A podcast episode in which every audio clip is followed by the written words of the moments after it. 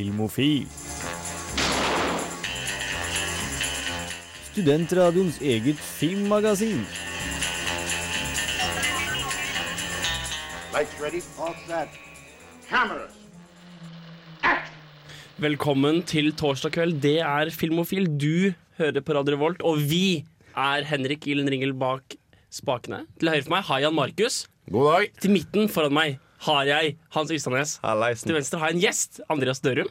Hallo, hallo. Velkommen til oss fra Kontroll alt elite. Kontroll Alt Elite på Radio Revolt. I dag skal vi snakke om collegefilm. Hans har vært og sett The Tourist? Eller heter den Den heter bare? Turist. Turist. Mm. Turist. Turist. Uh, vi skal høre på musikk, og vi skal uh, prate om film. Snart får du filmnyheter, men aller først så får du LSD TV med Lonely.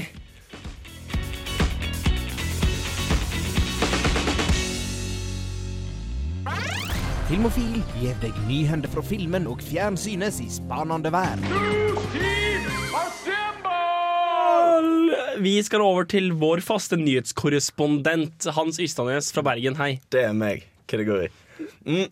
Det skal ikke handle om eh, superhelter så mye i dag som det har pleid å gjøre ofte. Eh, jeg har en liten hangup der, men jeg har prøvd å eh, hindre meg sjøl. vi begynner med en ny Disney-film som kommer. Ja. Som ble annonsert for ikke så lenge siden. Eh, det er da Disney Animated Studios som eh, nettopp lagde Frozen, som eh, kom ut med. Den heter Moana. Det blir en sånn CGI-film, og den kommer i 2016. Den skal handle om han skal, han skal ta sted i, i Oceania, altså Australia-kontinentet, i eh, forhistorisk tid. Og handle om en ung, sterk tenåringsjente som reiser ut på et eventyr sammen med en halvgud ved navn Maui. Eh, for, å finne, for å finne et sånn hemmelig skjult øy slash kontinent som skal være litt sånn legendestatus. Og så skal de liksom møte på masse sjømonstre og utfordringer underveis. Så Disney har bare spurt seg hva kan vi gjøre for å få mer Tumblr-cred. Dette er liksom det de har klart å destillere. Hashtag no filter. Nei, jeg er solgt. Jeg, det høres ut som en kul film. Ja, Absolutt. Og jeg håper, jeg håper det, altså, det har jo vært Særlig Pixar har jo lagd noe litt sånn svake, svake ting i det siste. Og det virker som de mister liksom troneplasseringen sin der. Og at dette på en måte kan bli en litt sånn spennende ny greie med kvinnelig protagonist som er litt sånn sterk og kul og fet. Så skal vi snakke litt superhelt. Vi kommer ikke unna. Um, det hadde seg nemlig sånn i forrige uke at DC hadde den svære slippen sin hvor de slapp mange kommende, kommende superheltfilmer. En film som ikke ble nevnt i den slippen, selv om det teknisk sett er en del av DC, er Sandman-filmen som kommer. Altså en film basert på tegneserieuniverset skapt av Neil Gaiman. Tingen er at det, det blir litt sånn småkomplisert. Fordi at tingen er Det var ikke en del av det fordi at det er teknisk sett ikke samme studio, men samme studio likevel. Det er nemlig Vertigo Comics som slipper Sandman. Og de er eid av DC, men er på en måte et datterselskap som DC bruker for å slippe alternative tegneserier som ikke er en del av denne superheltkontinuiteten deres. Sånn som Og- Sandman. Sånn som Sandman, sånn som V for Vendetta, sånn som Swamp Thing. Altså all, Alle de på en måte alternative utgivelsene til DC slippes gjennom Vertigo. Det som gjør dette spennende, spør du meg, er at mye av DC sine kontinuitetsgreier i filmverden virker fryktelig kjipe og kjedelige. Altså Se bare på katastrofen som var den siste super Supermann-filmen. Ja. Um, men, men, men det dette tyder på, da er at de, som i tegneserieverden, og kommer i filmverden til å skille mellom liksom det som er main continuity DC, og det som er alternativ DC. Og at, og at vi derfor kan, kan få på en måte en kulere alternativ rekke slipptitler fra DC som ikke er en del av dette Zack Snyder uh... Altså Det hadde vært en god idé, Fordi jeg føler jo Marvel er veldig bundet til sin greie. De er veldig bundet til at, at alle filmene skal være dritbra, og de skal være i samme univers. Men hvis, hvis de, kan, de trenger ikke å være like bra på akkurat det samme som Marvel gjør. Det kan være litt på sida og ha litt mer alternative univers. da Ikke sant? Eh, så kommer det en film jeg er fryktelig giret på. Um, jeg anmeldte Annabelle for et par uker siden. Den var ganske skuffende. Men alt håp er ikke ute for Annabelle horror. 2 kommer! Nesten! Nesten! The Conjuring 2 kommer. Å nei, du kommer oh, til å bli så skuffet! Oh, jo. herregud, nei, så skuffet! nei, nei, jeg kommer ikke til å bli skuffet, og jeg skal si deg nøyaktig hvorfor. Og jeg skal sykt spille der igjen for deg. Du er på radio. OK, jeg kan bare si det nå, svart på hvitt. Jeg kommer ikke til å bli skuffet av Conjuring 2. Det lover jeg. That's uh, Hans Ysternes guarantee. Hva skjer hvis du blir Greit, greit at dette er et radiomoment. Hva skjer hvis du ender opp med å bli skuffet? Hva gjør du hvis du blir eh, Snakker vi, snakker vi naken gjennom Trondheim Torg? snakker vi, snakker vi at du sier 'Henrik er Gud' før du starter enhver setning i ditt vanlige hverdag i en hel dag? Jeg kan gå for den siste. OK, greit. uh, du skal ikke se vekk fra at jeg muligens kommer til å lyge om filmen når jeg ser den. For å. Men min journalistiske integritet kommer selvfølgelig til å trumfe det. Ja, Det som gjør dette spennende Det som gjør dette spennende er at uh, James Wan, som regisserte The Conjuring 1, er tilbake i regissørstolen uh, og skal styre prosjektet. Og Vera Farmiga og Patrick Wilson skal vende tilbake som dette Warren-paret. Altså disse to eksorsistene som reiser rundt og rydder opp i ting. Og som faktisk skulle jeg si, i hermetegn gjorde dette i virkeligheten. Eh, bare at det selvfølgelig ikke er sant, selv om det er basert på ekte historie. Men jeg har, jeg har virkelig troen. Og jeg håper det blir en skikkelig god og skummel eh, ny film. Ja, nei, Da tror vi helt og fullt på at en Conjuring 2 kommer til å bli en god film. For det er jo tross alt samme regissøren og samme eh, skuespillerne, så dette må jo bare bli De har jo aldri bra. feila før. Nei, uh, absolutt ikke, faktisk. Ikke Eh, ødelegg jeg, vil- jeg skal faktisk da høre på en liten låt mens jeg kontemplerer hvor bra Conjuring 2 kommer til å bli. Dere får Big Sean med I Don't Fuck With You, Feet E40, her på Filmofil på Radio Revolt.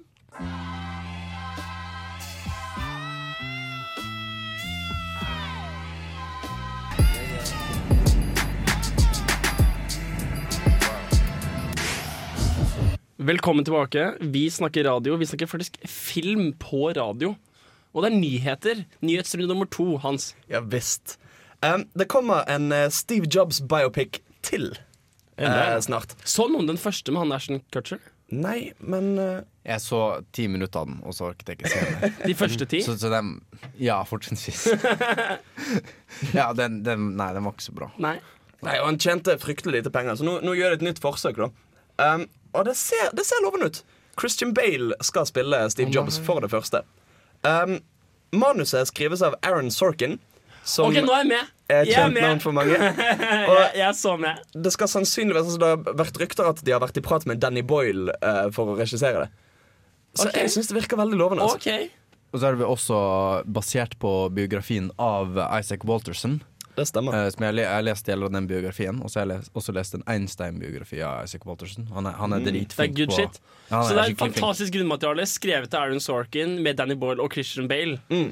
Dette kan jo faktisk bli bedre enn kjempedårlig. Jeg er direkte optimistisk. du er optimistisk Oh, yeah! Sånn, oh, Conjuring 2 og Kanskje ikke kjempedårlig. Så skal vi gå til litt sånn her Hollywood gossip. Fordi tingen er at vår alles favorittskuespillerinne skal ta en liten pause fra, fra skuespill.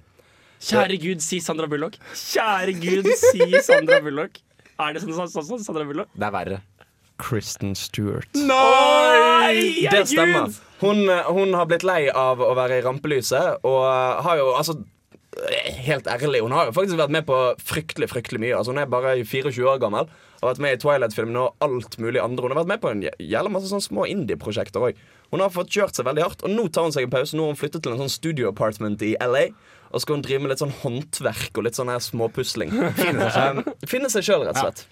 I en studio apartment i LA. Ja, og helt ærlig, jeg, jeg, jeg må innrømme Jeg tror Kristen Stewart kan være en god skuespiller. Jeg har ikke sett henne i annet enn Twilight-filmene, som jeg har sett litt for mange ganger. Men um, jeg, jeg, jeg, jeg synes det er en tendens til at i disse drittfilmene så finnes det skuespillere som faktisk har talent. Altså Se eksempel på Robert Paddington, som egentlig er en mye bedre skuespiller enn han får til i Twilight. Se på Zac Efron. Har dere sett eh, Bad Neighbors?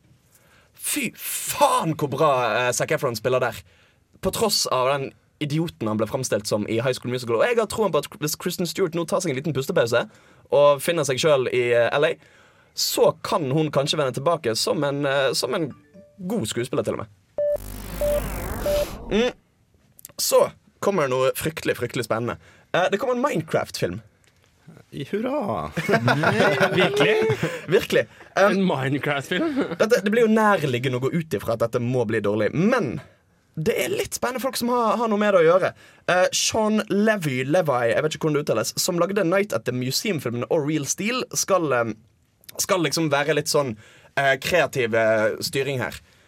Og med seg på laget så har han fyren som lagde Lego Movie, altså Roy Lee. Det er faktisk en bra film. ble jo fryktelig godt mottatt. sant? På tross av at det var et idiotisk begynnelseskontakt. Ja, ja. Så kanskje han klarer å ta litt den samme vrien på Lego, på, eh, Lego Minecraft.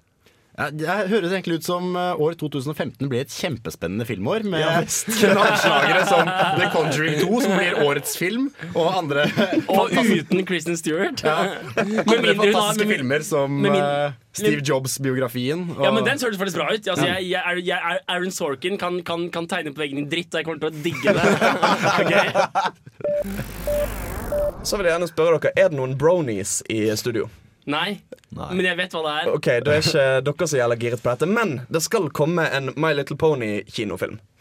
Eh, den kommer i Smooth, Andreas. Den kommer i 2017, og jeg personlig kjenner ikke noe til det TV-serien. Altså Friendship is Magic, eller hva det heter. Men det som viser seg, er at det er veldig mye de samme folkene. Så, altså Megan McCarthy, som produserer TV-serien og tidvis skriver for han, skal styre hele prosjektet. Og det kan tyde på at for de som er skikkelig fans av My Little Pony, så kan dette bli et veldig genuint og bra produkt.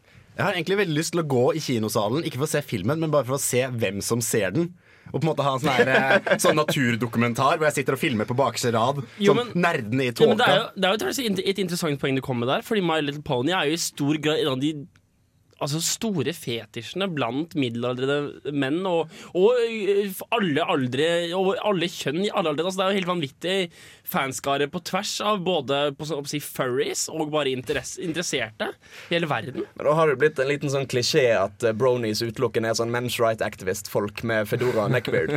Eh, jeg synes kanskje vi skal være litt forsiktige med å automatisk trekke den parallellen. Selvfølgelig, de fins, og eh, de er nok en betydelig bestanddel av fanskaren der. Men eh, Og hvor, hvor mange av dem går da stolt på kino? Med, so med steam, sandalene. steampunk-brillene sine og nei, nei vi, skal, vi skal bevege oss vekk fra, fra nyhetene nå. Uh, vi skal høre på Ausgeir Trausti med 'Stormer inn', før vi kommer inn til anmeldelsen av 'Turisten'.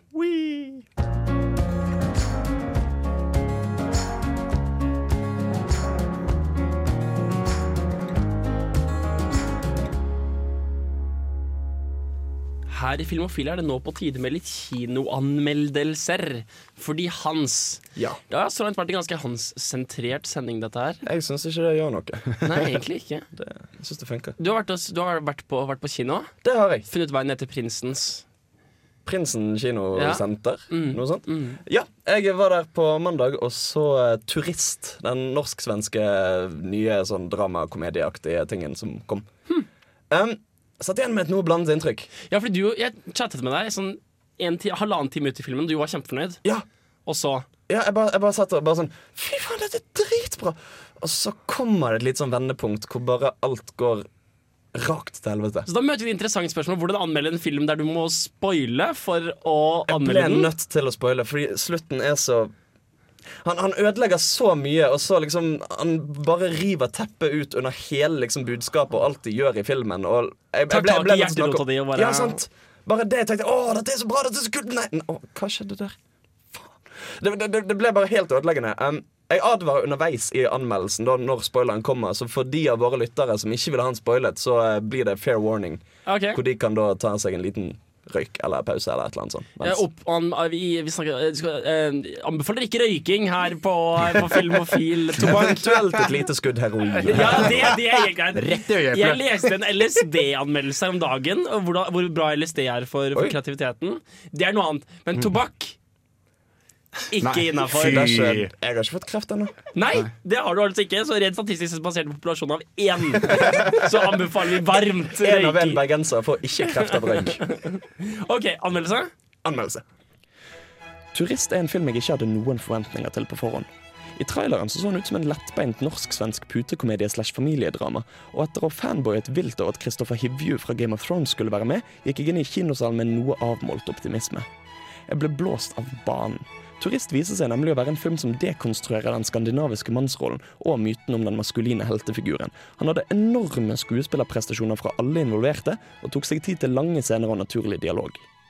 Dette fikk dessverre et skudd for baugen i den siste halvtimen, hvor all modenhet og intelligens i filmen kastes ut vinduet til fordel for en billig avslutning hvor alt gikk bra.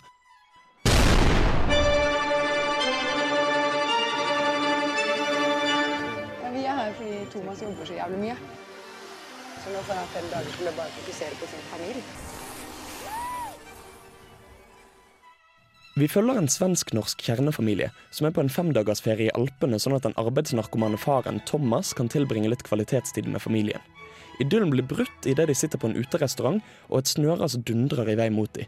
Det treffer nesten restauranten, og når snøføyken får lagt seg, viser det seg at Thomas har løpt fra bordet og etterlatt konen Ebba og barna. Når de forteller om hendelsen, så nekter Thomas for at han løp. Flere konflikter oppstår som en konsekvens av dette. Thomas skammer seg åpenbart over det som skjedde, og føler at sin status som mann og forsørger er krenket. Ebba er mest såret over at han ikke vil vedgå hva som faktisk skjedde, og føler at hendelsen som gjorde sterkt inntrykk på hun, ikke blir tatt på alvor. Du, er det safe? Ja, ja, ja. De vet hva de gjør. Pappa! Ja, det är ingen fara. Sluta med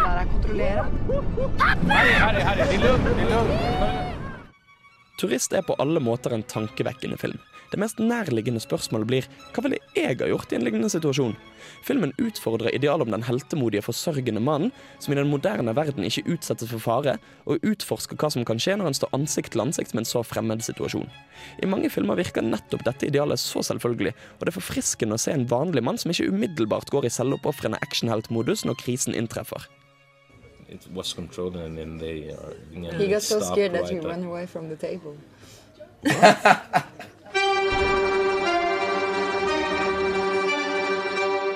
Men deler den til den opplevelsen av det vi var med om. Men så kommer den siste halvtimen, og her ødelegges mye. Jeg kommer nå til å snakke om slutten, så hvis du har tenkt å se filmen og ikke vil ha den spoilet, spol fram ca. to minutter. OK? OK. Etter at Thomas har blitt konfrontert med et videoklipp fra restauranten og ikke lenger kan nekte for hva som skjedde, så begynner han å grine hysterisk. Han er ikke til å roe ned, og hyler at han sjøl er et offer for det som skjedde, og for sin dårlige samvittighet. Dagen etter så virker alt merkelig greit, egentlig, og de går ut for å stå på ski. Det er dårlig vær, og Thomas må ta styringen for å få de trygt ned. Ebba faller i trekket, og Thomas bærer henne ned. Når de skal reise hjem, så kjører bussjåføren ned en smal fjellvei som en idiot, og alle stikker ut av bussen for å gå ned til fots. Noen tilbyr Thomas en sigarett, og til alles forbauselse så takker han ja. Sønnen spør 'Røyker du, pappa?' og han svarer 'Ja, ja, det gjør jeg'. All konflikten er oppløst, og Thomas har igjen blitt en tøff mann som redder sin kvinne, som tar risikoer. Det virker så fremmed og poengløst. En får et inntrykk av at filmen ikke helt vet om han har lyst til å kritisere den moderne mannsrollen, eller akseptere han. Alt han tidligere har problematisert, ignoreres. Og sluttpoenget blir maskulin identitetskrise. Pff, skjønner ikke hva du mener. Er maskuline idealer hederlige eller patetiske? Det vet ikke jeg, og det gjør åpenbart ikke filmen heller. Du kan ikke bare mumle. Jeg er redd at vi skal ska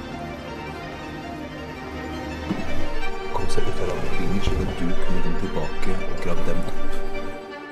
Men ja ja, filmen er fortsatt verdt å se. De første halvannen timene er fantastiske, og jeg kjenner at jeg i det store og det hele egentlig likte den helhetsmessig. Hvis du har lyst til å se en egentlig ganske smart film om den moderne mannsrollen som når alt er sagt og gjort faktisk stiller ganske mange interessante spørsmål, så er dette filmen for deg.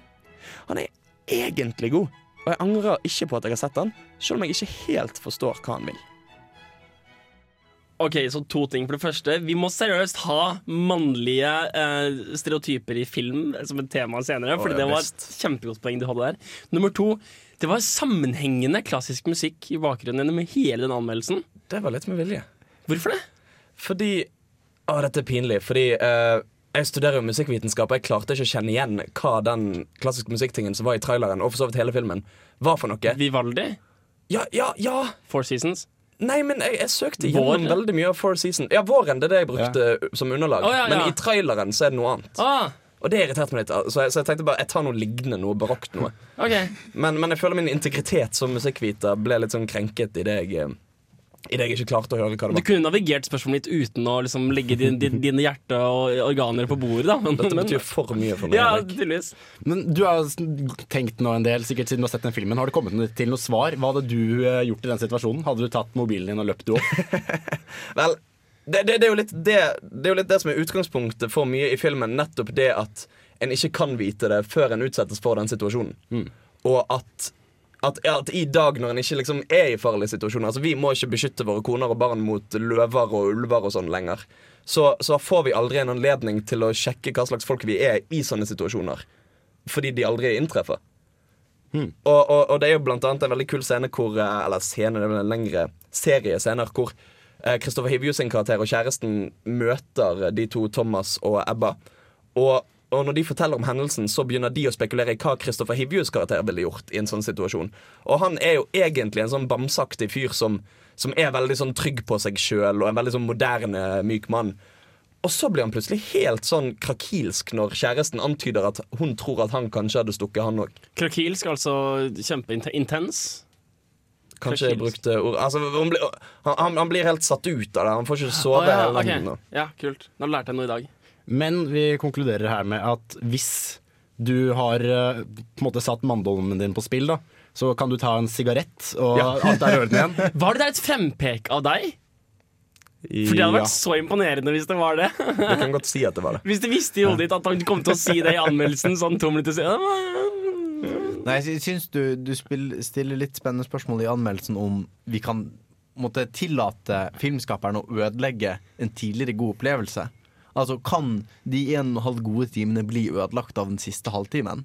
Kan det at filmskaperen liksom eh, invalidiserer sitt eget poeng? Altså Nå stiller du et veldig Altså- interessant altså, kan- spørsmål. To minutter og 45 sekunder uten Ja, det er Det er. Det er et veldig godt spørsmål. Det er, Jeg vil det er derfor vi ender opp med å snakke 20 minutter. kontroll litt. Ja. Eh, jeg vil si at Hvis det er en film som eksempel en, en spenningsfilm, hvor du bygger og bygger og bygger, og bygger, og bygger, og bygger, og bygger i forventning av et eller annet, så vil det nok kanskje kunne bli ganske mye ødelagt hvis det endrer seg med å bare være Hei, hei! Ingenting!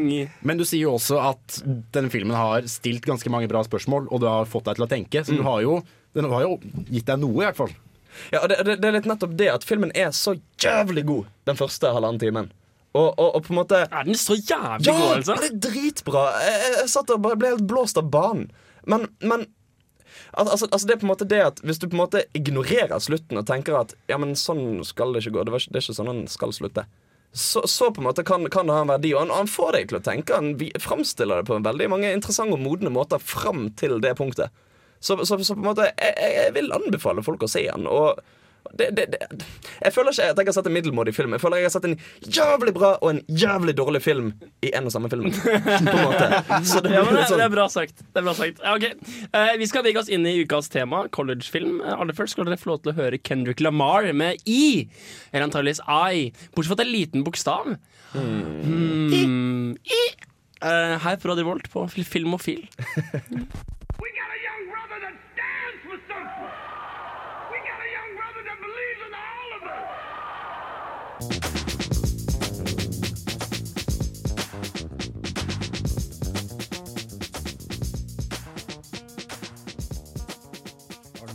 Vi er tilbake, og vi varmer egentlig nå greit opp til collegefilm. Og hvem kan dere tro, hvem kan du, kjære lytter, gjette at jeg kommer til å gå til for å snakke om hvem som kom med ideen om ukas collegefilm? Du ser på meg, men jeg vet ikke om du, kan kanskje bare ikke la være. Nei, det var, faktisk, det var helt, helt sant. Det var Hans! Det er meg. Hei. Halleisen. Eh, du kom gjennom collegefilm. Ja. Hvorfor det?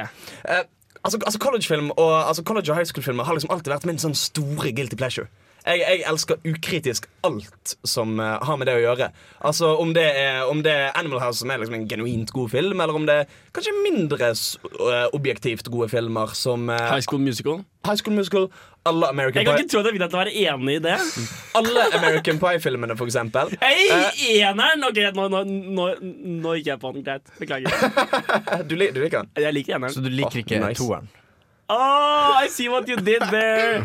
To er det helt greit. Eh, Jeg ser det ikke. Jeg, jeg, det er ikke like ofte, Jeg synes liksom. den er mørk. I hvert fall. I hvert fall. Um, altså, jeg, jeg vil si at Superbad er dønn på kanskje min topp tre-liste når det gjelder filmer. Og, og det det, er en high school-film. ja, men, men eller, eller det er på en måte dette overgangsperioden da fra high school til Ja, okay. for, for, for de er liksom seniors på high school Ja. og skal begynne på college, og da må de ha en sånn siste sånn her blowout før de skal eh, f- før, de, de skal liksom splittes opp og vennegjengen dra hver til sitt. og alt mulig sånn. Det blir på en måte en sånn overgang til semivoksenverden da, når de skal ut og gjøre litt sine egne ting. Og forlater de trygge rammene de alltid har hatt med liksom, skolesystem og sånn. Så hva er en collegefilm? Nei, hva er en collegefilm? Altså, det er jo mange av de filmene jeg forbinder med high school og collegefilmer som ikke egentlig finner så stor del på college. Men, men, men det er på en måte et eller annet med at når du har det, den liksom aldersgruppen med tenåringer som går på skole og som omgås hverandre, så blir det veldig det, det, det, blir, det blir veldig min gjeng. Fordi altså, The Social Network er ikke en collegefilm. Er Ok, Beklager, la meg omformulere. The Social Network er ikke en collegefilm. Hvordan med det å omformulere? Jeg prøvde å si det med litt mer intonering. Var det, var det liksom et, et slags spørsmålstegn? La meg omtonere, liksom. Eh, altså jeg vil si uh, The Social Network er en uh, college-film. Eller university-film, hvis du utvider begrepet. Fordi college-filmer handler veldig ofte om transformasjon og om det å finne seg selv. Det er veldig ofte sånn American Pie, for eksempel, det å ha sex for første gang. Det er en Mm. transformasjon. Det er jo gjerne et tema for samtlige Ja, ne, ja, du kan si det er tema for samtlige filmer som fins. Det høres ut som sånn utdrag fra helse- og sosialkurs. Med helse det er som en blomst som åpner seg, og det blir en kvinne. eh, Kanskje collegefilmer han om at mennesker er blomster. Eller, nei. Eh, men det er, det er veldig ofte filmer som at de har et veldig spesifikt mål. Vi skal klare det. Vi skal ha sex. Vi skal bli det Det kuleste er frat house. Mm. eh, Den kjenner jeg meg igjen i. Altså for eksempel American Pie, første filmen, kan jo nesten omtales som en slags heist-movie. Hvor, hvor målet deres er gjennom å samarbeide, så, så skal de få poolings, liksom. Eh, på denne siste festen før eh, Før alle stikker hvert sitt Ja, på er- prom, liksom. Det er helt sant, så da, da, da har vi to fellestrekk. Det er veldig ofte med å handle om seksuell oppvåkning. Mm. Det er veldig ofte en veldig tydeliggjort enkelt mål. Det er veldig ofte grupper. Der har du Mm, tre ja. ting. Noen flere? Um, Hmm. Og for de som tenker at vi har skriptet dette programmet, så kan jeg gledelig fortelle dere at det er ingenting planlagt her på Filmofil. Det er jo noe med den hele kulturen og den ungdomskulturen. Eksempel filmer som Eurotrip. Vil du si at det er en collegefilm? Det er det jo Det er jo den de er generelle jo- stemningen og gleden Ja, for de er jo aldri på Det handler jo ikke om å være på college. Det er men college handler kids, liksom. Ja, det er college kids. Og jeg tror kanskje det står mer i At det er aldersgruppedefinert. ja, At liksom. det er mer kulturen og hele Mm. stemningen i filmen. At det er liksom sex og fest og fyll og woo! Spring Ja. break! og, så har du denne, og så har du denne gjengen som skal ut og gjøre et mål. Altså Eurotrip skal denne gjengen finne kjæresten til han ene. Du har liksom denne eh, gjengen, klubben. Mm. Og det er det ofte i sånne collegefilm. Du har en gjeng, en klubb, Mm. som skal gjøre noe spesifikt. Og her er det å finne denne dama. Ja. Det er jo noe sånn herlig Ofte i, i en del av de noe sånn herlig hedonistisk og ansvarsløst over det. Ja.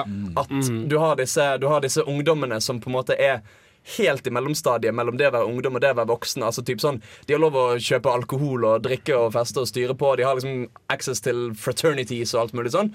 Men de er fortsatt ikke der at de har en familie å ta vare på. og Sånn. Så det blir liksom Det, blir som en sånn, det fremstilles som en evig russetid hvor bare alle lever livet og drikker og fester alt de har lyst til. Ja. tror det er sitat fra en film eller serie som uh, sier at eh, There's time and place for everything, and that place is college. Og med det går vi til, eh, til vår låt. Kaja Gunnufsen kommer nå med 'Syden'.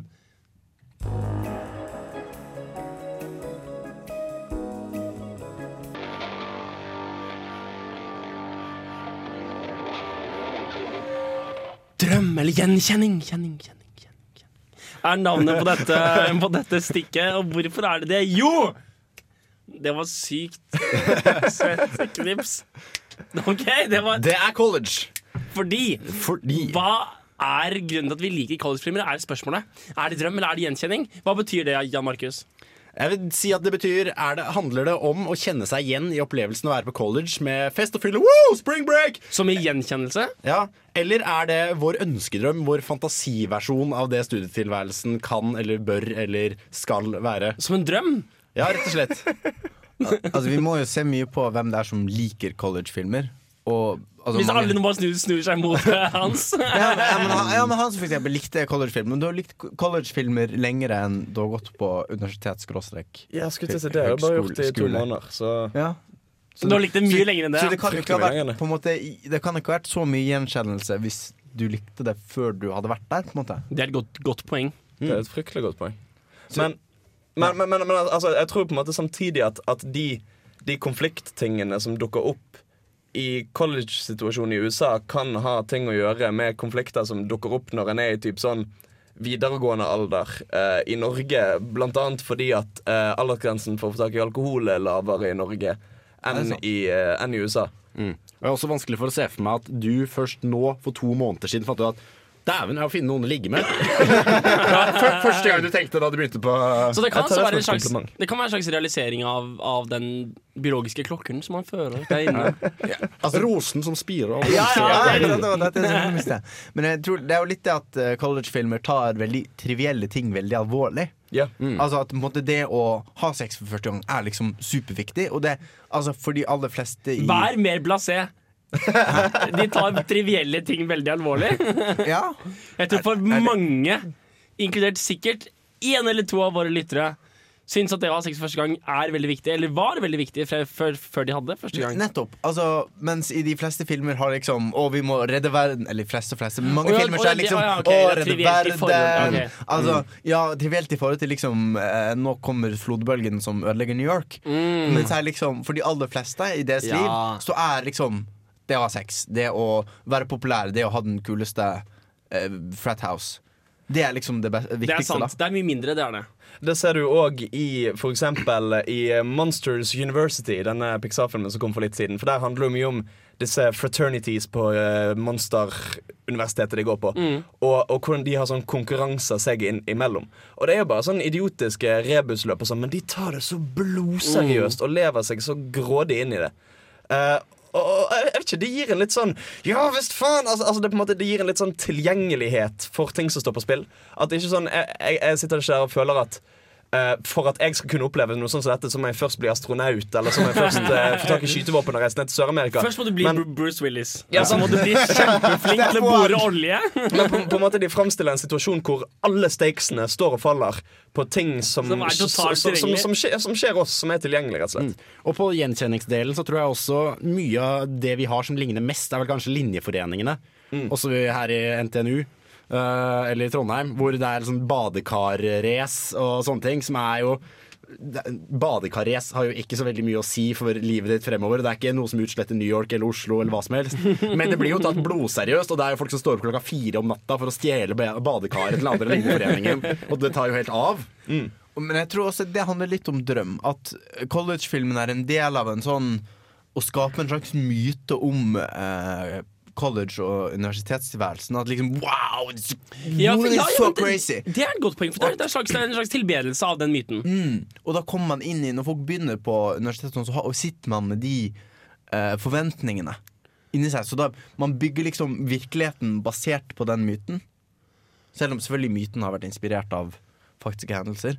Så vil man ha laget en slags myte som man da prøver å liksom implementere i den Mm. virkelige verden. Men det er jo ofte i disse, i disse mytiske framstillingene så er jo nettopp hovedpersonene ofte vanlige folk. Altså type, Se på Superbad, se på American Ja. Pie, se på Animal House. Hvor det bare er vanlige, ofte litt sånn her sosialt utilpasse eller nerdete gutter som likevel får ta del i denne drømmen, i, i disse enorme festene og hedonistiske livsstilen. Mm. Eh, jeg føler at eh, det er spennende at det ofte er eh, outsiderne som er hovedpersonene. Er, men det liksom Men jeg føler at alle gjenkjenner seg i outsiderne. Og at liksom alle gjenkjenner seg i liksom underdogen. De som mine- per definisjon er outsidere. ja, de som, de som per definisjon burde vært færrest, men kanskje alle egentlig føler seg litt som outsideren. Kanskje, er- jeg vet ikke om Er det så mange som går rundt øh, gjennom livet og føler seg som måte, den mest populære? Altså som Ja, altså? Det er jo da definitivt en, en, en grad av, av som du sier, gjenkjennelse. Ikke bare som gjenkjennelse av, til, av, av tilstand, men også gjenkjennelse av personlighetstyper. Mm. Så man ser på en måte en slags sånn personlig investering i det, kanskje. Ja, Nei, ok, eh, Vi skal ta og, og eh, gå videre. Det er- Vi skal høre en låt som heter eh, English Kids in America. Av et band som ser ut som det heter eh, Oi, det var en veldig høy intro. Av Lorden Atlantis. Her på Radio Revolt. Så skal vi snart, snart tilbake med ukas hjemmelekse, Animal House. Den må dere se før låta er ferdig. An Animal House.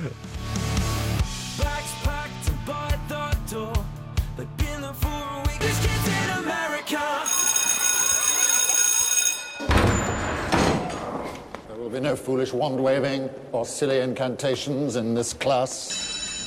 No, okay, that's it for the day then. Today, we have a similar debate over this. Anyone know what this is, class? Anyone? Anyone?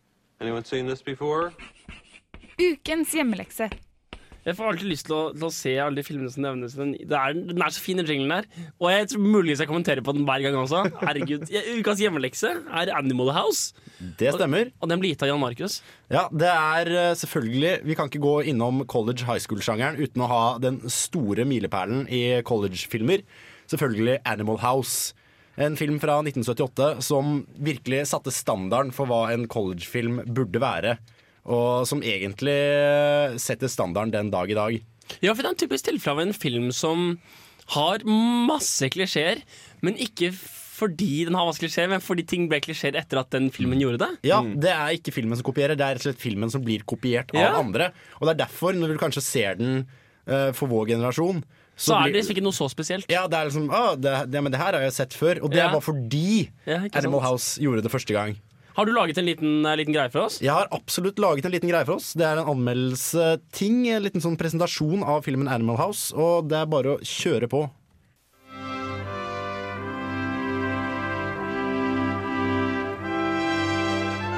This is Faber College in 1962. You know, 1962 had to be the best year of my life. I was a member of Delta Tau Chi.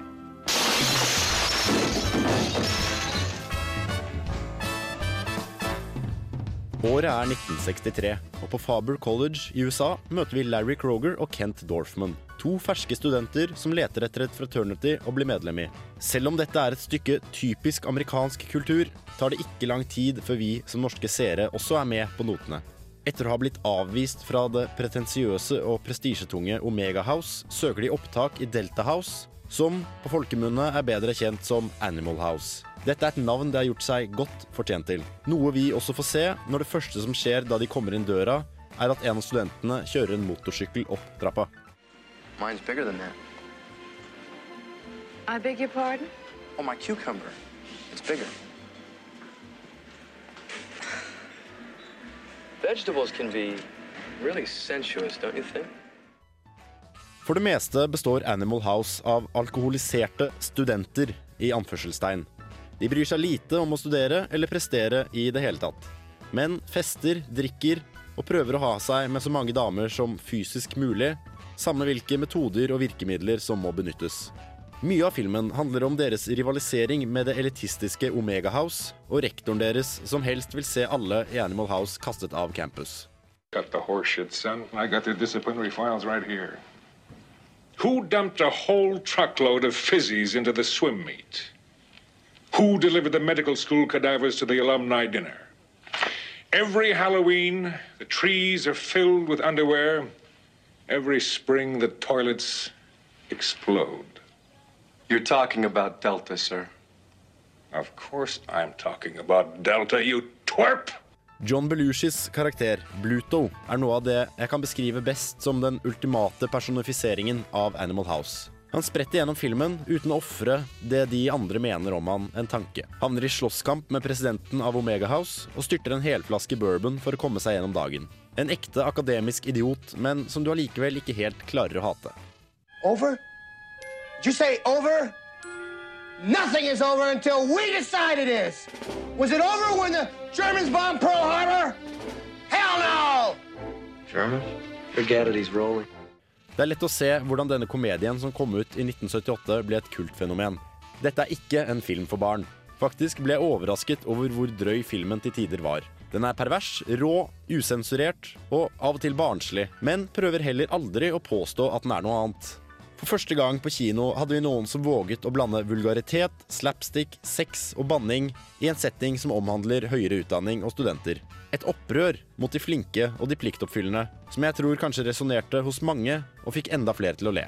Filmen var, og er, den originale komedien om college, sex og fyll, og tente gnisten for en sjanger som ikke har sluttet å brenne siden.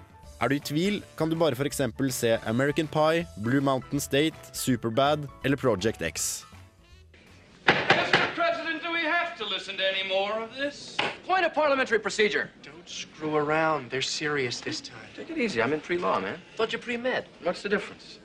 Animal House er en film som fortsatt holder stand. Ikke bare som en milepæl i college-sjangeren, men også som en film som står på egne ben.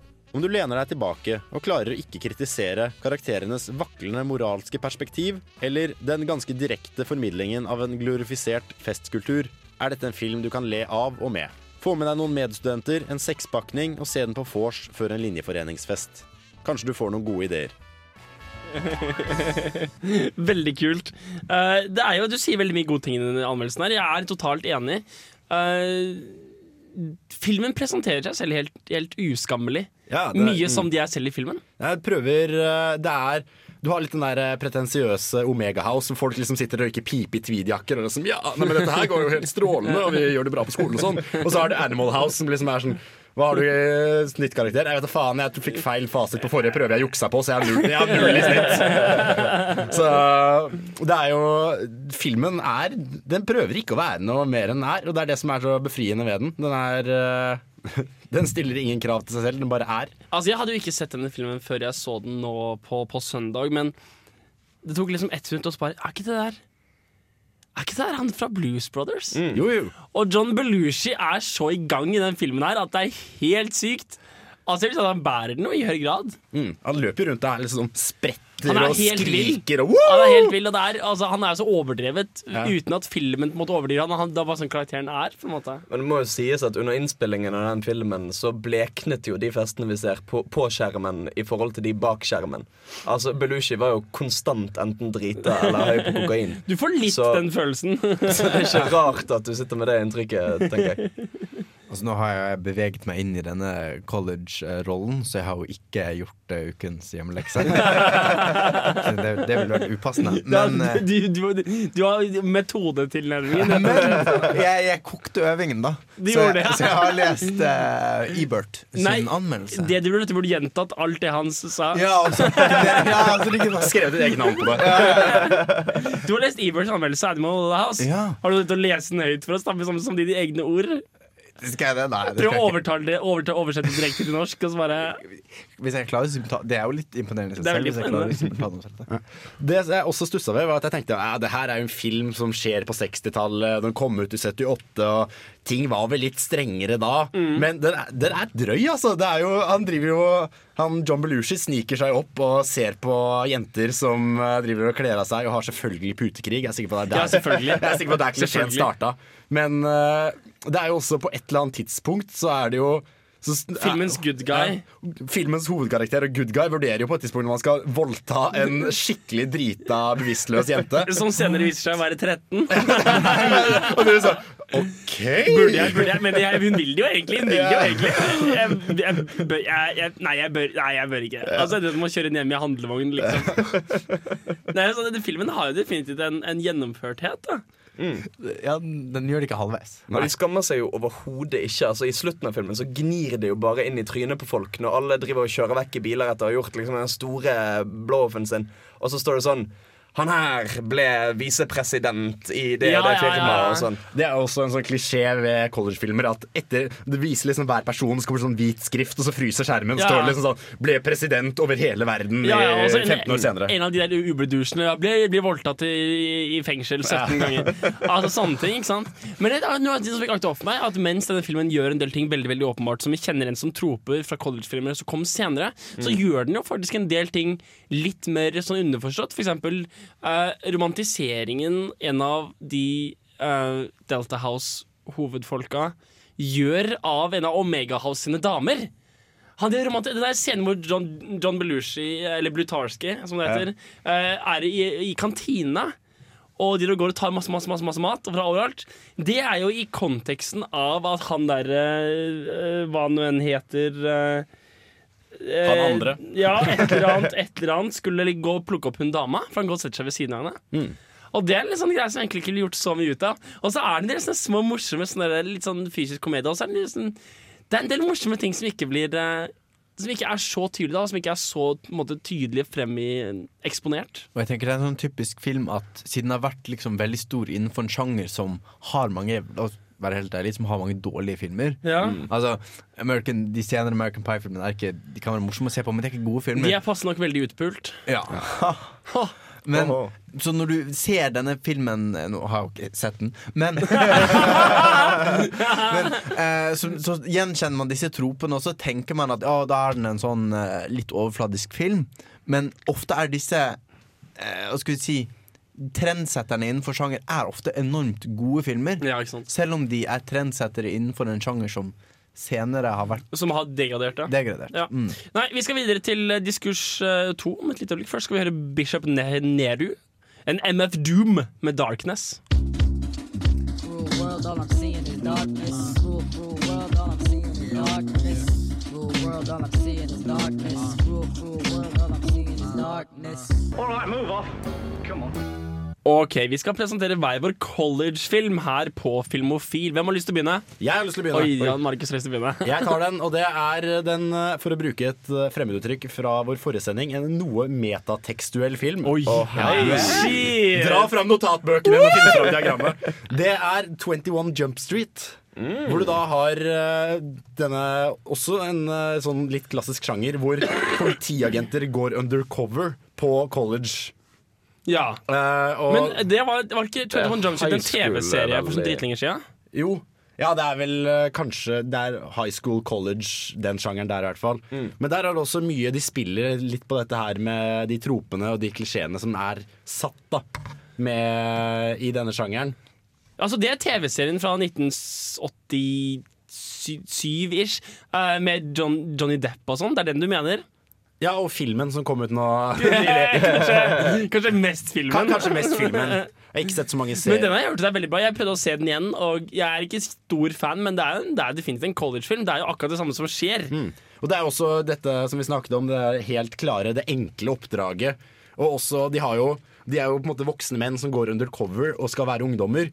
Og i den prosessen blir så fanget i det å være ungdom at det blir nesten viktigere enn å løse politisaken. Og du får også de der konfliktene med veldig små ting som folk imellom som blir gjort veldig store. Så det er litt sånn analyse av eh, college-sjangeren fra et annet perspektiv. Det som jeg synes er veldig gøy med 21 Jump Street, er jo det at han eh, Channing Tatum-karakteren eh, var jo en veldig sånn bølle og sånn jock når han sjøl gikk på college. Men når de da igjen skal begynne på college eller high school, eller hva det er, så, så, så har på en måte ting endret seg. Rollen er reversert. ja, sant, for han er ikke den kule lenger. Fordi alt han syntes var kult, som det å gi folk buksevann og wedgies og sånn, Ja, ja. det er liksom Hva faen for en kuk er du? Og da er det ikke lenger, no, det ikke lenger nok å bare være bøff, liksom. Du Nei, sant? Du, må, du må være smart. Smart er det nye, Mm. nye buff, liksom. Mm. Uh, så det blir på en måte en helt sånn omveltning av alle rollene der. Og en en annen omveltning er jo når vi, vi snakket om at collegefilmer gjør de små tingene veldig seriøse. Men her stiller du på en måte de seriøse tingene. De skal oppklare liksom dop som dreper folk. Liksom En Mm. viktig ting. Og så putter du det opp mot de liksom ikke egentlig viktige tingene som på en måte han har lyst til å pule en søt jente. Eh, og du, må, du får de til begge to tingene i samme film. Det er litt spennende. At du kan sette de opp mot hverandre. Så det er en veldig moro film. Ja, hans film. Eh, jeg, jeg tror faktisk jeg skal snakke om eh, Monsters University. Oi, oi. Ja, fordi den likte jeg veldig godt nettopp fordi at det er en sånn eh, den, den har en vri på de college-greiene, bare med figurene fra Monsters Inc. på college. Og det, og det, det er kjempegøy, for, for der har de basically alt. Altså de har liksom Der, der har du òg disse Sully og Mike fra monsterbedriften. Hvor eh, Mike, altså han lille grønne med ett stort øye Ja, ja, ja, ja. eh, Han er liksom Han er en sånn nerdefyr som typ sånn, er kjempe sånn teoretisk flink på alt som har med skremming å gjøre. For det er jo et skremmeuniversitet, dette. uh, og Sully er en sånn svær sånn jock som går rett inn i de feteste fr fraternitiesene med en gang. Men som ikke har så jævla mye mellom ørene. Mm, og så blir det en sånn dynamikk hvor de to må samarbeide fordi at begge kan hjelpe den andre. Men det var det første filmen handlet om.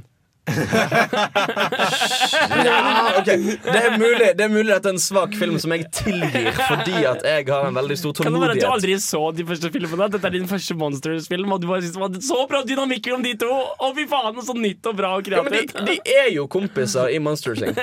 Men her får vi se hvordan de ble kompiser, for de er ikke kompiser til å begynne med.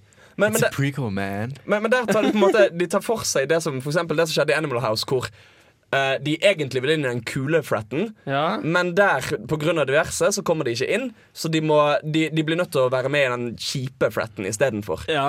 Uh, og så, gjennom, så driver de og konkurrerer med de andre frets, fretsene for å, for, for å Jeg tror det er, jeg husker ikke helt, men det er et eller annet mål de må nå. Det er et eller annet Det er en konkurranse de må vinne, Fordi hvis de vinner der, der så får de lov å begynne igjen. Eller et eller annet sånt. Et eller annet sånn. Et eller annet sånt. Det, det er ikke så viktig. Men, men det er kjempegøy, for der tar de på en måte en spinn på alt sammen med sånn skikkelig sånn fantasifull monstergreie. Og filmen er kanskje ikke egentlig så veldig bra, men de, de har gjort en jævla artig vri på hele- liksom. Jeg ble underholdt som bare faen. Hva er, hva er deres tolkning på festing og drikking? Jeg har ikke sett den filmen, men jeg kan ikke tenke meg at eh, liksom, Mike driver og raver rundt og spyr på en eller annen jente. Nei Eller at de driver og prøver å skal ha seg med flest mulig monstre eller sånn i barnefilm. Nei, altså Det er jo veldig skulle til å si uh, rating E for everyone. Uh, hvor det, altså det er selvfølgelig litt festing, men det blir jo veldig sånn uskyldig festing. Sånn iCarly-festing. Um, men, men nei, så- veldig, veldig glad i den filmen. Skal være helt ærlig. Andreas? Ja, jeg har valgt den eh, college-filmen som ikke er en college-film. The Social Network? Ja, jeg, jeg, Du valgte valgte Dette Ja. forklarer at du hadde lyst til å ha det som en collegefilm. Ja, fordi fordi jeg mener det er eh, en college-film. Det er, Eh, det, og det er fordi det er feil. Ok, skal jeg, skal jeg presentere først, og så skal du si meg hvorfor jeg tar feil? Og så skal jeg si meg hvorfor du tar feil om at jeg tar feil? Vi, kan vi ta den oppbyggingen? Uh, The Social Network Det er en slags sånn semidokumentar. Mockumentary. Nei. Nei. Det er ikke en mockumentary, det er noe annet. Det er en eh, inspirert av eh, virkelige historier om hvordan eh, Mark Wahlberg eh, Mark som, Zucker- som- Nei, nei, nei, bare fortsett. Mark, Mark Wahlberg, så Kom igjen. Kom Ja, igjen, det, your case. det er case. to forskjellige burger. Spilt av Jesse Eisenhower, da? Eller? Ja. Ja, Ja, ja. Jesse Eisenhower spiller Mark Wahlberg i en film, en, en, en mockumentary. Kom igjen! Kom igjen. Hvilket college er den satt til? Transformers College. Ok, Nå må jeg finne fram var han endte opp med å lage Friendster? Ok, i hvert fall det er, en- Vet du hva? Det Network er en nydelig, fantastisk skrevet film av igjen Aaron Sorkin. Ha! Som handler om mye. Ikke så veldig mye om college, eh, eller Mark Wahlberg. Altså, det, jo, det har jo faktisk en sånn fraternities uh, subplot. Den har Hvordan de- bitte altså, ja. hvordan disse to eh, guttene uh, Mark Zuck... eh, Hva heter han Mark til fornavn? Eller ja, det heter Mark til fornavn. Det, Ja, det, ja. det stemmer. Eh, så, hvordan Zuckerberg og han kompisen til Zuckerberg, som jeg Mm. husker, hvordan de liksom er, de er litt nerdene og litt de teite. Og hvordan de blir populære der, Hvordan de blir og hvordan han blir en del av en frat. Og det er Nei, helt Så det er jo faktisk eh, mange av de samme tingene der, bare at istedenfor måte, sex, så handler det om Facebook. Og så er det heller ikke noe tilfelle av de andre tingene vi snakket om, som handler om seksuell oppvåkning. Ja, altså, det er én doscene. Ja, Men hvis vi ser bort fra den, så er det ikke, det er ikke, det- det er ikke et viktig plott. Nei, for det, er ikke, fordi jeg vil snakke, det handler om oppvåkning i bredere kontekst. Altså, Sex er bare I collegefilmer så er sexen er ofte litt, litt symbolsk. Det handler om å finne seg selv, det handler om å bli voksen. Ja. Uh, dette handler jo absolutt om hvordan disse blir voksne. Hvordan de går fra å være litt sånn naive, uskyldige, to gutter på uh, gutterommet som lager Facebook, til liksom denne seriøse uh, sak saksmål. Uh, plottet. Ja, men det er jeg helt enig i. Men, men det er jo, altså jeg tenker at dette, dette med sex i high school og college-filmer er jo ikke nødvendigvis Det handler jo ikke nødvendigvis om sex, men at det på en måte handler om å få sosial status og klatre, klatre i rangen. Fordi jeg mener å huske at i både Superbad og American Pie så snakker vi om at jo jo, vi kommer til å pule mye når vi kommer på college. Men vi skal ikke begynne å pule på college. Vi skal allerede være gode å pule på college. Ok, vet du hva? Det der må vi først tilbake til. Eh, Det er, det er faktisk et veldig godt poeng. Uh, I mellomtiden så vil jeg si at uh, vet du? Det, er, det er fire filmer du må se. Du må se Ten Things, Things I Hate About You fra 1999. Du må se Ferris Bueller's Days Off fra 1986. Du må se The Breakfast Club fra 1985. Og du må se Grease fra 1978. Ok, Hørte du alt det? Ten Things I Hate About You. Ferris Bueller's Days Off, The Breakfast Club og Grease. Det er fire filmer du bare må se. Og Hvis du har lyst til å se Hvis du blir litt lei av collegefilmer, så kan du også se The Social Network. I mellomtiden så skal dere få Young Lean med Monster her på Radio Revolt og Filmofil. Har noen lyst til å si noe? Det er sånn ti sekunder. Det er, det, det er 52 sekunder Hvis du, hadde sluttet, ja, hvis du hadde sluttet der, så hadde du akkurat sluttet i den klappelyden. Det er lett å si nå. Ja. Det er for sent! Det er for sent! Herregud! Nå, nå. Er dere klare? Okay. ok. Ah!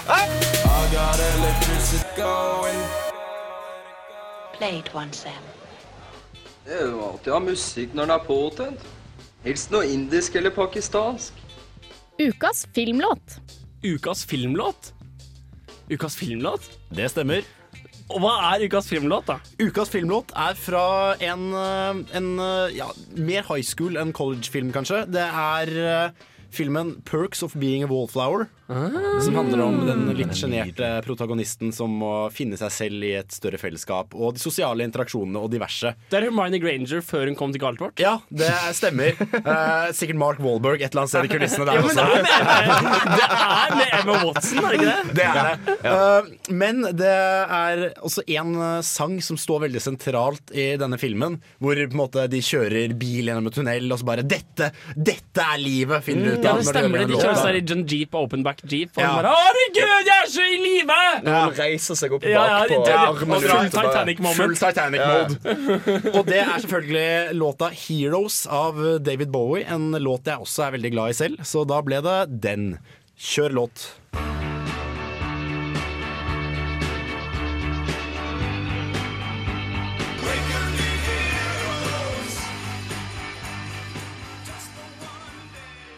Ja, for det vi snakket om var litt mer Altså hvordan Det er en kulturell greie. Hvordan Ja.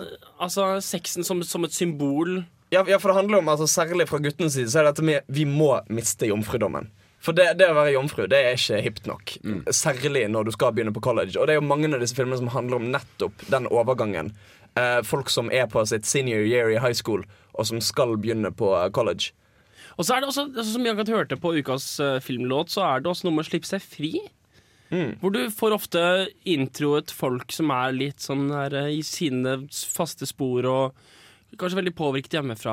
Litt sånn, de, er, de er en eller annen sånn stereotype av innesluttet. Ofte litt sånn nerdete. Ja, Mm. Og så vil de i løpet av filmen slippe seg fri og finne seg Komme litt ut av skallet. Ja, Er det en greie? Der er jo eh, filmen som vi har snakket om allerede, Superbad, helt fantastisk. Den. Ikke nødvendigvis de to hovedprotagonistene, som spilles av Jonah Hill og Michael Cera, men uh, han Christopher Mintz-Plasse som spiller McLovin, eller Fogel.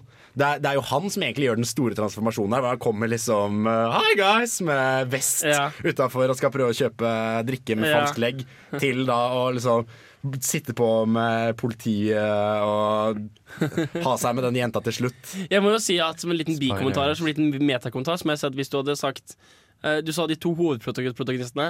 Hvis du hadde sagt sideprotagonist i tillegg, så tror jeg Frida hadde funnet veien ut av sykesengen og inn gjennom de, innom de lydtette vinduene her for å slå deg. og forresten hilse til Frida, som er hjemme og er syk. Og vi, vi savner henne selvfølgelig. God bedring, Frida. God bedring. Uh, fordi det handler noe om det der om å slippe seg fri. Og det er, jeg synes hedonisme er en veldig god tråd å begynne på. Fordi, eller eh, slutte på. Jeg mener, det er, jo, det er jo åpenbart noe der. Hvordan disse filmene her tenker at Vet du hva, denne tiden du kommer hit, så skal det være bare fyll og faenskap og Mm. tull og glede, på en måte. Mm. Og du har så ofte disse, disse farsrollene, disse professorene, liksom, som står over og bare Å, du må huske på å gjøre det og det, og du skal gjøre det, det. Og du, det er sjelden du ser en Det er sjelden du ser en protagonist, om du vil, i en film faktisk ha den bekymringen jeg går rundt med i min hverdag. Mm. Og det er jo også litt som kanskje den norske russetida. Hvor du har på en måte 'Mamma, jeg er fette drita!' Ikke sant? Hvor du løper rundt eh, i mai, og alle foreldrene står der og bare ja, nei, det, det er bra at ungdommene får slippe seg fri og være seg selv. Og Du liksom. har andre foreldre enn meg. Jeg, jeg er fra Nesodden. endelig, endelig! Vårt barn vokser opp. Men det er jo noe erkeamerikansk over hele, over hele collegefilm-greien. Altså Ikke bare det at det heter college og at de fraternities-greiene er en veldig sånn amerikansk greie, men jeg, jeg vet ikke, med hele den livsstilen Med hele dette at typ alle collegesene kol, Det var et vanskelig ord. Collegi? Alle Collegi- collegiene. collegiene, det er- bra. Colleges. Alle hele, hele kollasjen, om du vil. Hele kollasjen i USA har alltid sånn der eh, hva heter det? Boarding schools. eh, sånn campus som alle bor på. Alle Ja. bor inne på Mm. skoleområdet. Mm. Så det blir litt sånn folkehøyskole bare Ja, med det, er, liksom det er folkehøyskolefilmer. Det burde vi hatt i Norge. Oh. Fordi universitetsfilmer i Norge hadde vært et veldig klein sånn Ja. norsk filmproduksjon. Rett fra kjellerne på Målt. Martin går big, og han skal på Togafest. Toga, toga, toga, toga!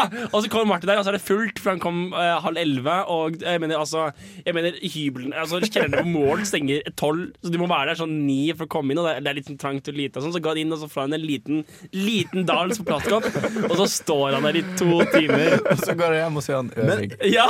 Ja. Nei, men det er jo faktisk eh, Tror du det kunne fungert? Rett og slett en eh, Norsk høyskolefilm. En norsk høyskole- eller universitetsfilm. Det hadde så jævlig fungert også.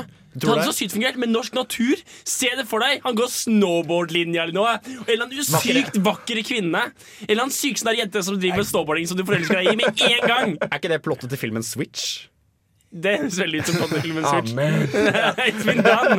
Ja, det var det jeg skulle si. Men jeg tror at en norsk universitetsfilm Tror jeg ville spilt mer på eh, presset. Altså I mange av disse amerikanske collegefilmene så driter de eh, fullstendig i skolen. Det er bare denne hed- hedonistiske fokuset. Jeg tror en norsk collegefilm ville kombinert de og handlet litt om presset. Eller burde handle om det presset, fordi Ja. veldig mange prøver å både feste og være flink på skolen. Vet du, dette er faktisk, dette er faktisk første gang jeg har hørt et norsk filmpitch som jeg faktisk Faktisk kunne tenkt meg å se. Kanskje vi bare skal ta ansvar, rett og slett. Og Du hørte det ikke lager film. Jeg klipper det så jævlig ut herfra. Så har jeg, altså jeg sikra livet mitt. Så hvis, Ja, du, hvis ikke går bra, så kan du bare begynne å produsere norsk film. Ja, ja, Få- Ja, ja. Få 34 millioner i kulturstøtte. det er min fallback. Ja. Der jeg produserer produsere tidenes beste norsk film. Eller nest beste. Orion Spelte kommer jo ingen til å bli. Eller Hjelp, vi er russ. Det er jo en kjempebra high ja, school. er, er det en collegefilm? Det er en high school-film, da. Ja. Men det er så nevnt vi kom med norsken. Eh, 'Hjelp vi er russ' er en kjempedårlig film. Ja, du kan det se den på Netflix. Har du sett den? Nei, nei. Faen, kanskje jeg skal se den. Altså, Nei, nei, nei. Jeg vet ikke om er det er den Fungerer den ikke fordi den handler om russ, eller fungerer den ikke fordi den er en skikkelig skikkelig elendig dårlig film? Altså Det er to ting her Det første er jo at norsk russkultur er jo grusom på en helt annen måte å oppfatte enn den amerikanske. Norsk russekultur handler genuint bare om å drikke for å bli fulle. Det er ingenting livs Det, er ingen, det ser ikke ut som det er noe livsglede i det. da. Nei, det er sant. Det er ikke hedonistisk så mye som Det bare ser, en jeg- altså, sånn ser det ikke ut for meg, i hvert fall. da Men, men altså, jeg tror jo hvis du har en litt sånn kreativ sjel bak det, så skal du kunne klare å lage noe vittig ut av russetid. Nå har jeg ikke sett Hjelp vi russ. Jeg vet ikke hvordan de Jeg tror liksom, du kan bare beholde den der ideen om at det kan være kreativt. Altså man ikke ser filmen Det er en jomfrudom du kan beholde. Ja, Altså Den Hjelp vi russ som jeg har inni hodet mitt, det er en veldig bra film. Vet du hva?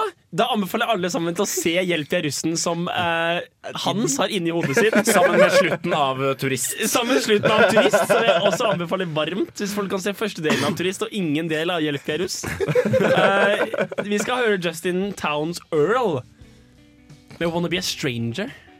Mm. Mm, yeah, baby. På Film og Film fra Andre Don't wanna walk away, but Hei! Hei! Det er ikke 90s sitcom-flashback. Ta og Skru på noe annet. Ja, bedre, men prøv igjen. Der, ja! Filmofil presenterer ukas serie.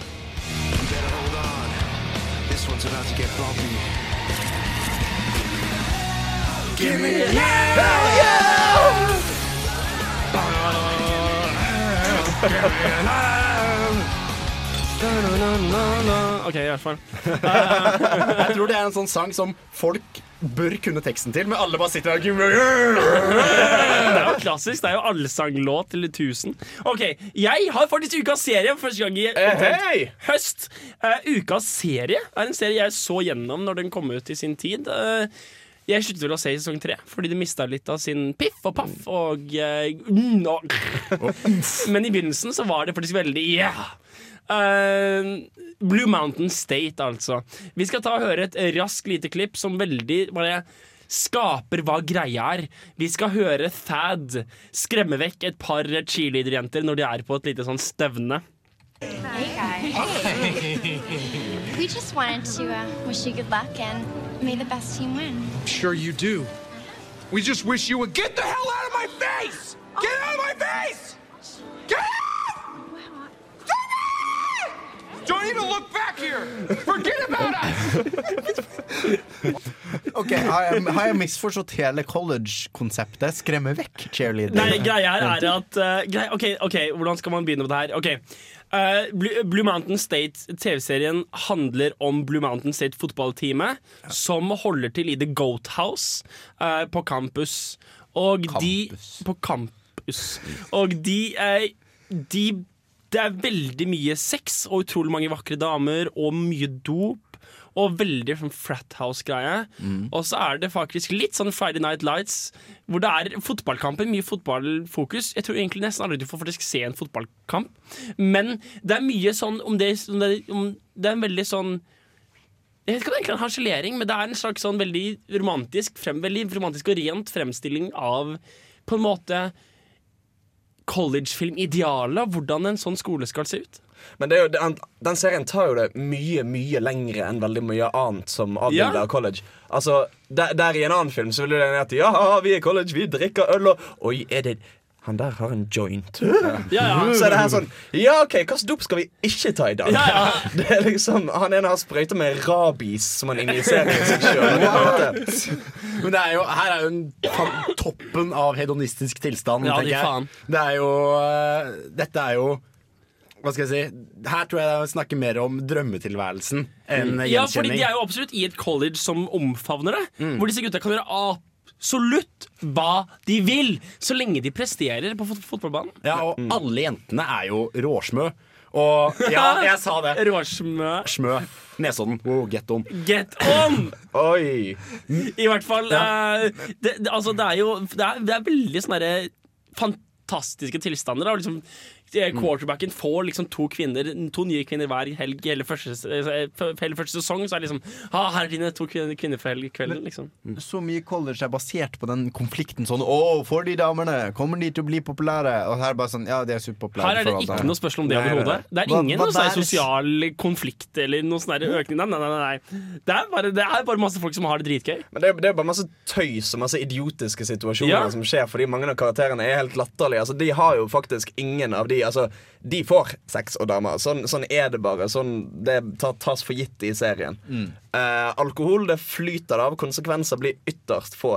Her er det liksom ingen av de problemstillingene som kunne dukket opp ellers. Og det er, det er, det er, det er forbløffende endimensjonalt.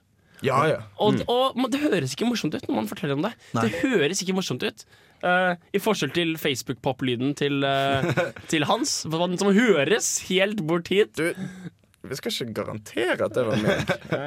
Min er lydløs, Jeg tror vi skal garantere det, faktisk. I hvert fall det, Men det, det, er faktisk, det er faktisk ganske kult, og jeg syns det å se sesong én og litt av sesong to var faktisk ganske gøy. Men jeg tenker, oi, dette er så endimensjonalt, og det må være en, en, en satirisk kritikk av det hedonistiske forbrukersamfunnet. Ikke som jeg ser. Nei. Det er i så fall Nei, det bare- sykt subtilt. Så, så, så subtilt det eksisterer. Det er, på en måte, det er bare helt Har du sett The League? Nei. Det er veldig sånn Ja. ja. Veld, ja, det er litt samme som The League. Det, er, det, The League handler om en gruppe med voksne folk som driver en, en fantasy football league. Og de er også det- bare helt gale og weird gjør masse Ja. syke ting uten at det kommenteres på noe tidspunkt på at det er galt at noe det de gjør. Så den ene tingen jeg ikke har sett, er litt som den an andre tingen jeg ikke har ja, men da, Begge har Mark Wahlberg i seg. Hey, callback! Og med det setter vi på Perling Hiss med Forcefield of Solitude.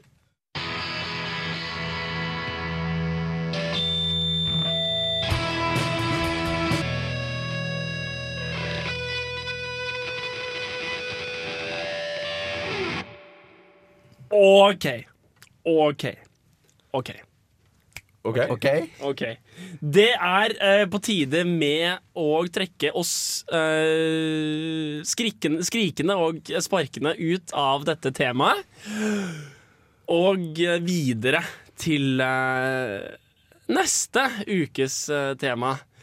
Og eh, neste ukes tema er Anyone? Det er en person. Er det en person Å, å, å! å 20 spørsmål! 20 spørsmål. Ok, ok. Er det, er det, er det, er nei, ok, greit, never. David Fincher. Er det David Fincher? Det er veldig David Fincher. Wow, du klarte å få bare ett spørsmål. Hva gir du meg? Hva gir du meg? Uh, OK, David Fincher har laget, har laget alt. Ja. David Fincher har laget alt. Jeg mener, jeg tuller ikke. Altså, han har laget alt. Alt som ikke er laget av Quentin Tarantino eller David Lynch, Lynch, ja. er laget av David Fincher. Og på den syvende dagen hvilte han. Ja, det er ikke kødd engang. Eh, og det på syvende dagen så laget han en kortfilm som heter The Appointments of Dennis Jennings. Og jeg lurer litt på om vi faktisk skal ha en kortfilm som ukas hjemmelekse. Det blir veldig avantgarde. Det blir veldig avantgarde. Plutselig øker sjansen for at noen faktisk vil finne på å se ukas hjemmelekse. Det er et godt poeng. Det er bare fordi du vil ha masse hipster-kred for å gi en film som folk ikke har sett. som Hva handler filmen om, Henrik? Eh, den, altså, den, det handler om Dennis Jennings. eh, som er en introvert eh, som viser litt sånn symptomer av sånn obsessive compulsive disorder. Og, eh, og så skjer det ting. Eh, eh, ja. Hvem spiller hovedrollen i Eh, jeg tror det er Steven, Steven Wright, kan det være. Jeg tror Rowan Atkinson er med også. Oi. Så dette er faktisk noe okay, man Nå skal jeg slutte å tulle. Nå ble jeg oppriktig interessert. Ja, vet du hva? Jeg hadde lyst til å se The Game, men vi ser den der kortfilmen. Den pretensiøse hipster-kreds-kortfilmen. Du er også velkommen til å se The Game altså, neste uke. Og du er også velkommen til å se andre David Altså, Du kan basically bare se en film, og så er det sikkert eh, David Fincher. sett så kommer en film til å være det. Uh, College-filmen The Social Network er en David Fincher-film. Fight Club, Seven, Gone Girl, The Girl with Dragon Tattoo. Han har regissert og produsert en del av House of Cards. Det er bare altfor mye bra. Så David Finch er neste ukes tema, og uh, The Appointments of Dennis Jennings er hjemleksen fra 1988. Nå er det låt! Med Stephen Marley, 'Keeper of the Flame', featuring Nina Simone og Wycliffe Jean.